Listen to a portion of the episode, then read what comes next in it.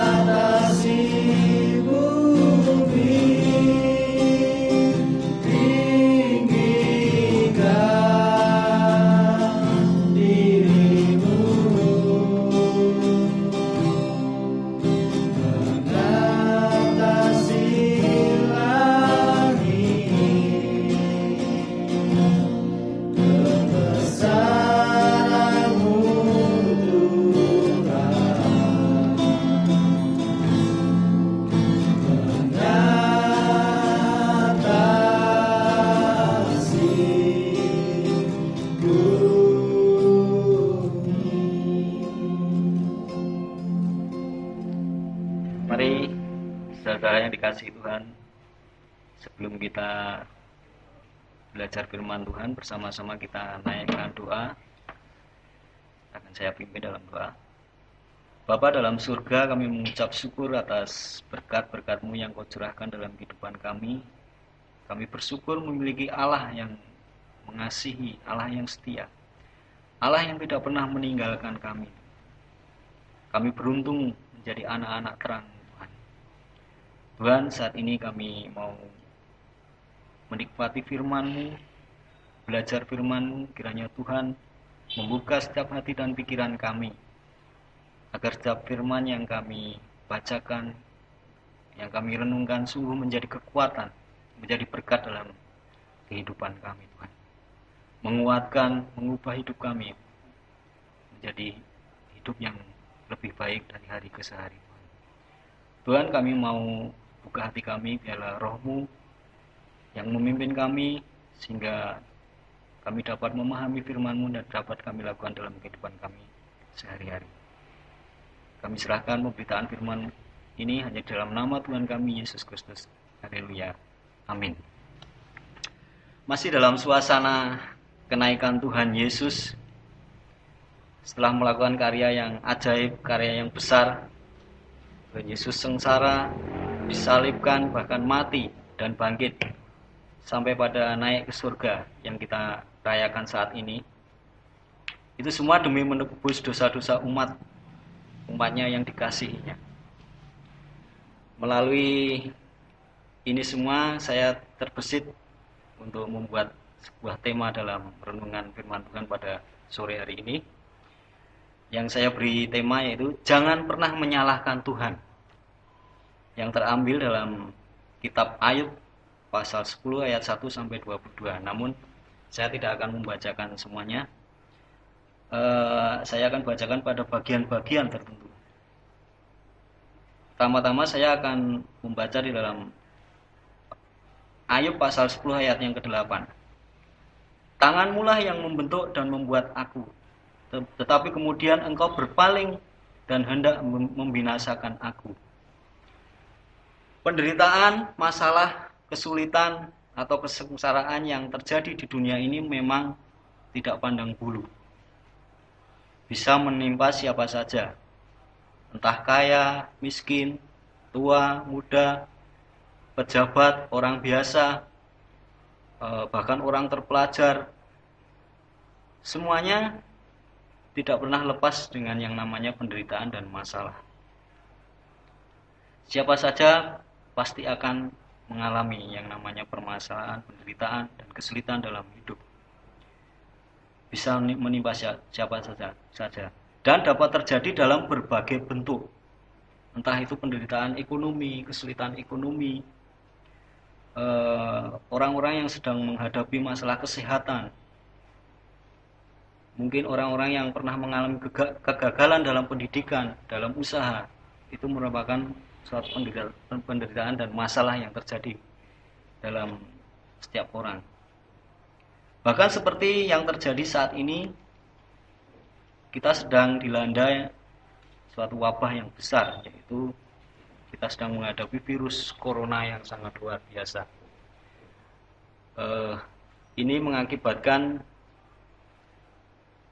banyak hal yang terjadi yang membuat orang-orang mengalami permasalahan, orang-orang mengalami penderitaan, kesulitan hidup.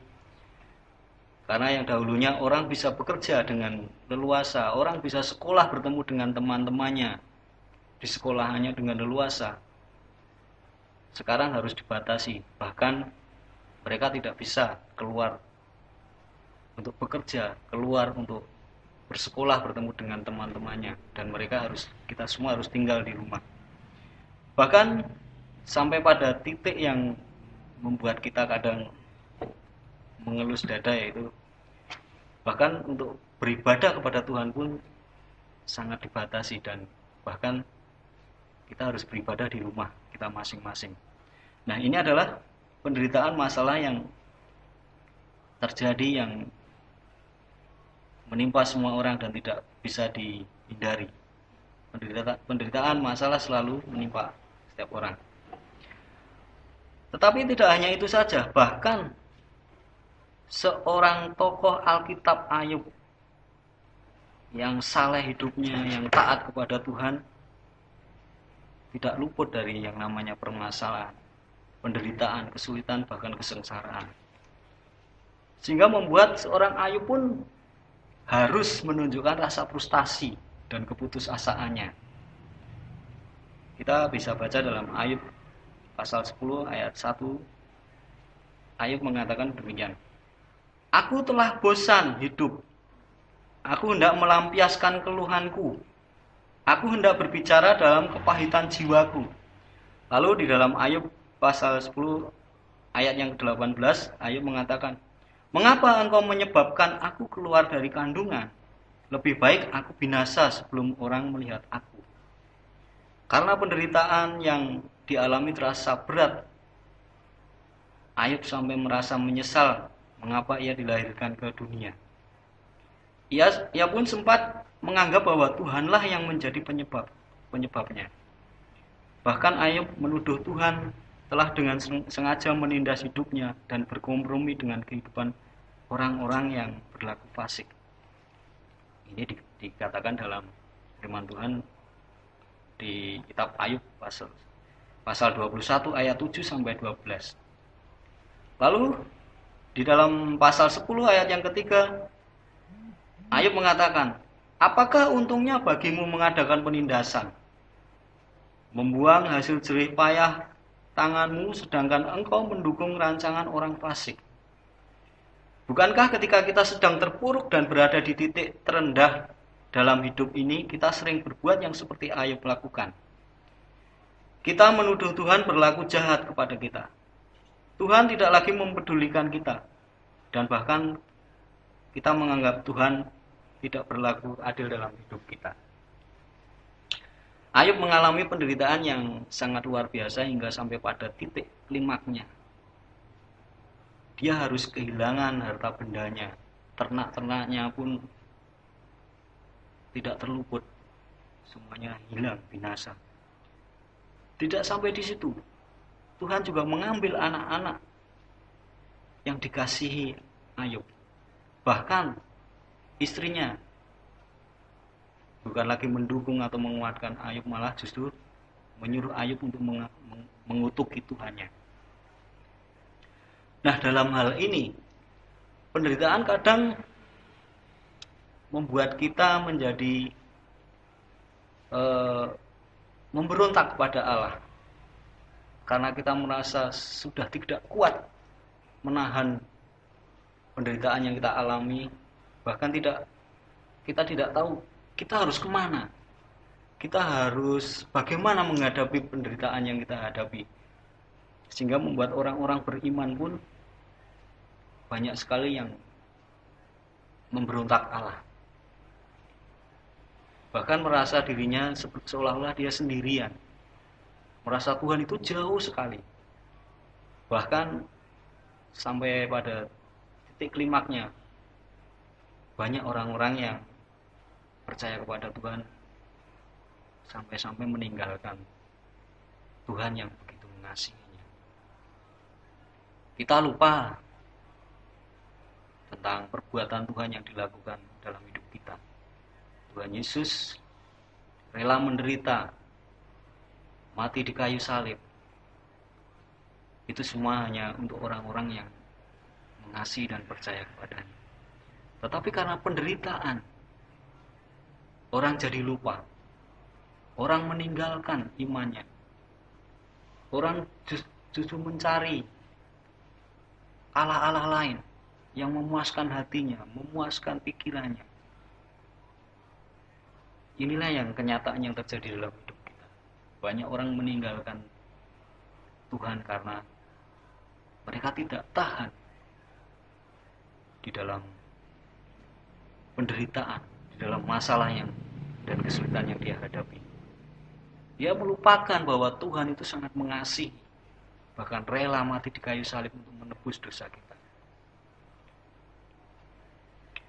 Penderitaan terkadang Tuhan izinkan terjadi dalam kehidupan kita karena Tuhan sedang memproses kita.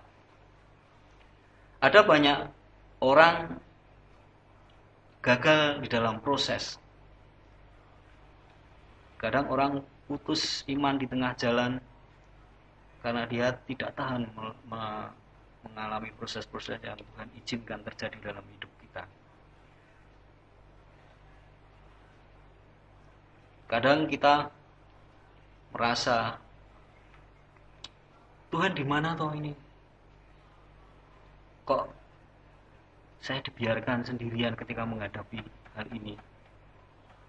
Sehingga orang-orang yang beriman pun menjadi berpaling kepada Tuhan karena dia tidak tahan mengalami proses dalam hidup kita. Padahal selalu ada rencana yang indah di balik, penderitaan yang kita alami. Seringkali untuk menggenapi rencana indah Tuhan terjadilah pemrosesan dan persiapan terlebih dahulu.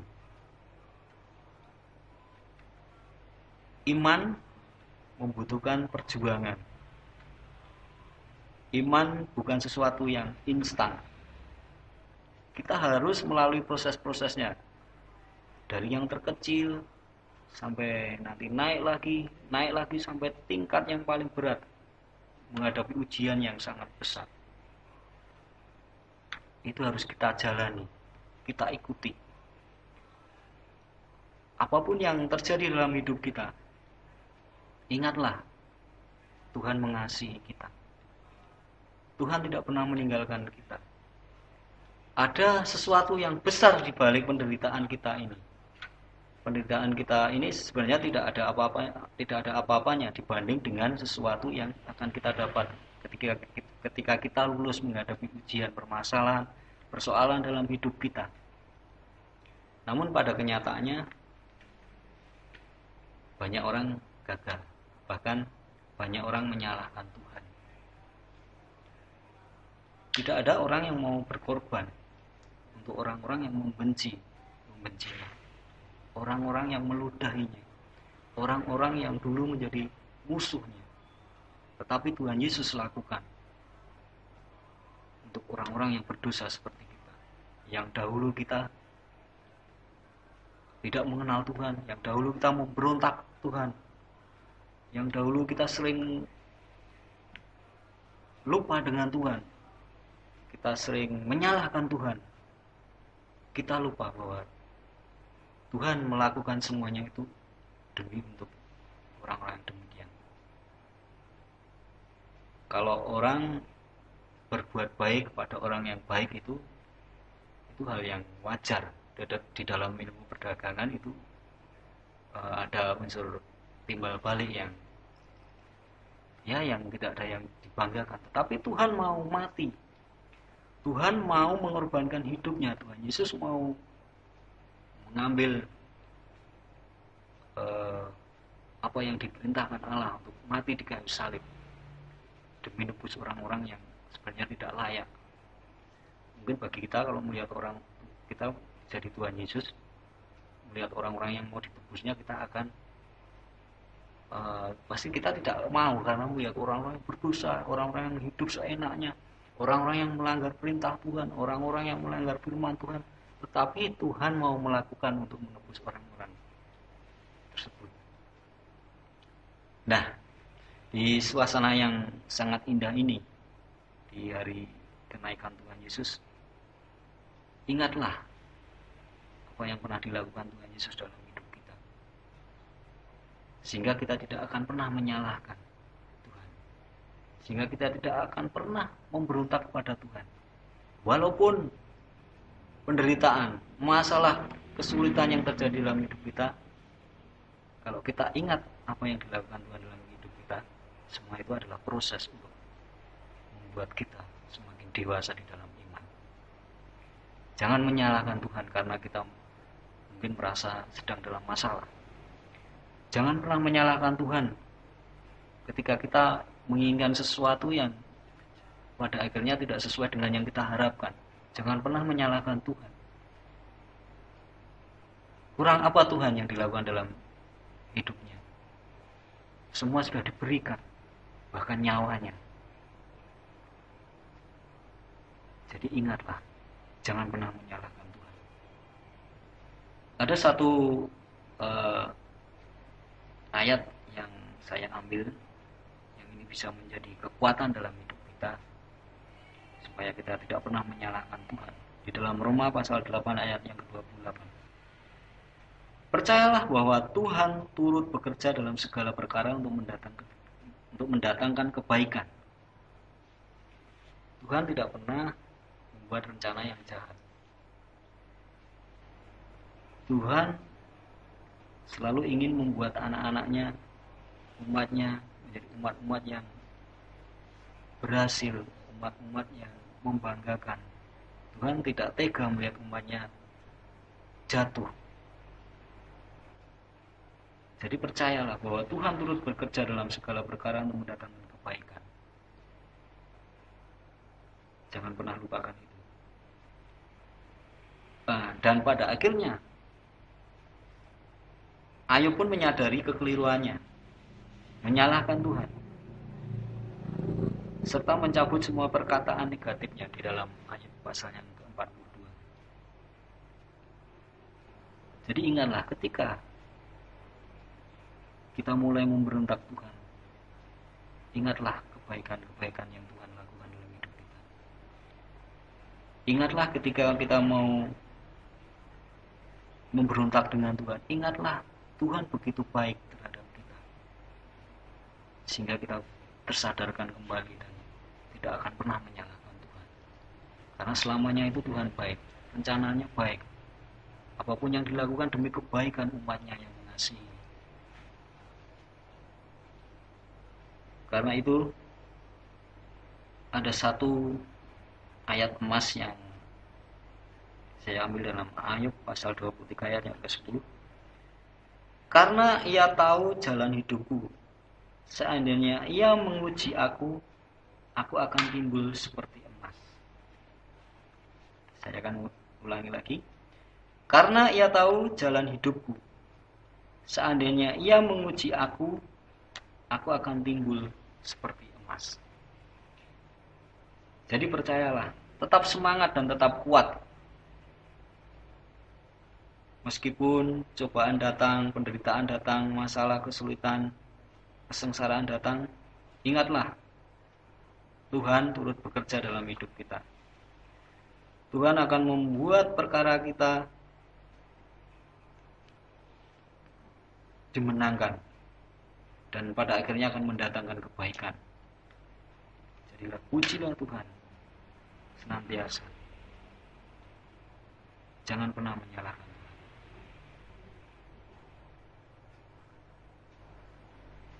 demikianlah uh, renungan firman Tuhan pada sore hari ini. Tetap semangat tetap kuat dikala penderitaan datang masalah datang kesulitan datang kesengsaraan datang. Ingatlah Tuhan turut bekerja dalam hidup kita. Tuhan tidak pernah meninggalkan kita. Tuhan mengasihi kita. Tuhan sudah membuktikan perbuatan yang besar dalam hidup jadi jangan pernah khawatir, apalagi menyalahkan. Puji Tuhan, Tuhan memberkati kita semua.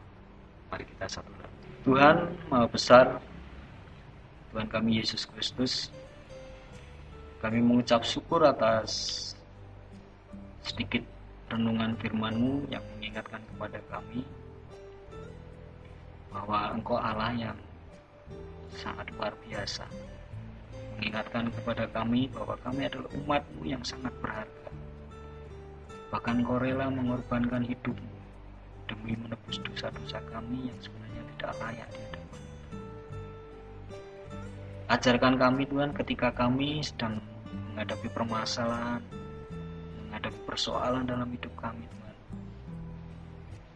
Kami tidak akan pernah menyalahkan karena kami mengingat kebaikan-kebaikan dalam hidup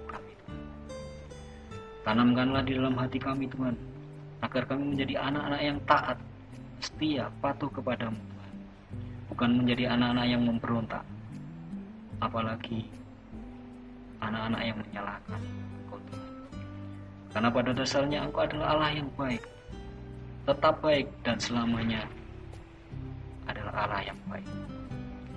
Terima kasih Tuhan atas sedikit dari renungan Kiranya ini menjadi berkat dalam hidup kami, menguatkan, meneguhkan kami Tuhan.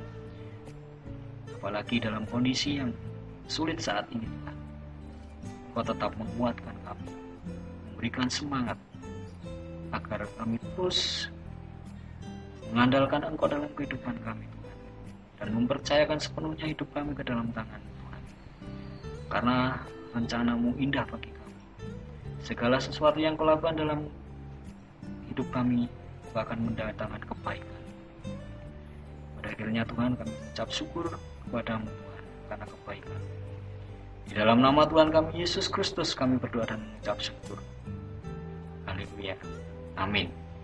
Wow, firman Tuhan yang sangat memberkati ya. Pastinya dalam hidup memang selalu ada berbagai ujian. Tetapi ingat firman Tuhan tadi, Tuhan itu baik banget. Jadi jangan malah menyalahkan Tuhan. Iya benar tuh. Jadi anak muda itu jangan gampang menyerah. Cakep. Oh iya Bisa teman-teman ada pertanyaan seputar firman Tuhan, kirim aja langsung pertanyaan kalian ke nomor WA Mas Yuan ya. Jadi pertanyaan kalian nanti akan kita jawab bersama di episode khusus. Ya, langsung aja ke poin firman Tuhan biar kita semakin bertumbuh bersama. Dapatkan juga hadiahnya. Mantap. Oke deh teman-teman, saatnya kita pamit. Sampai jumpa minggu depan. Tuhan Yesus memberkati.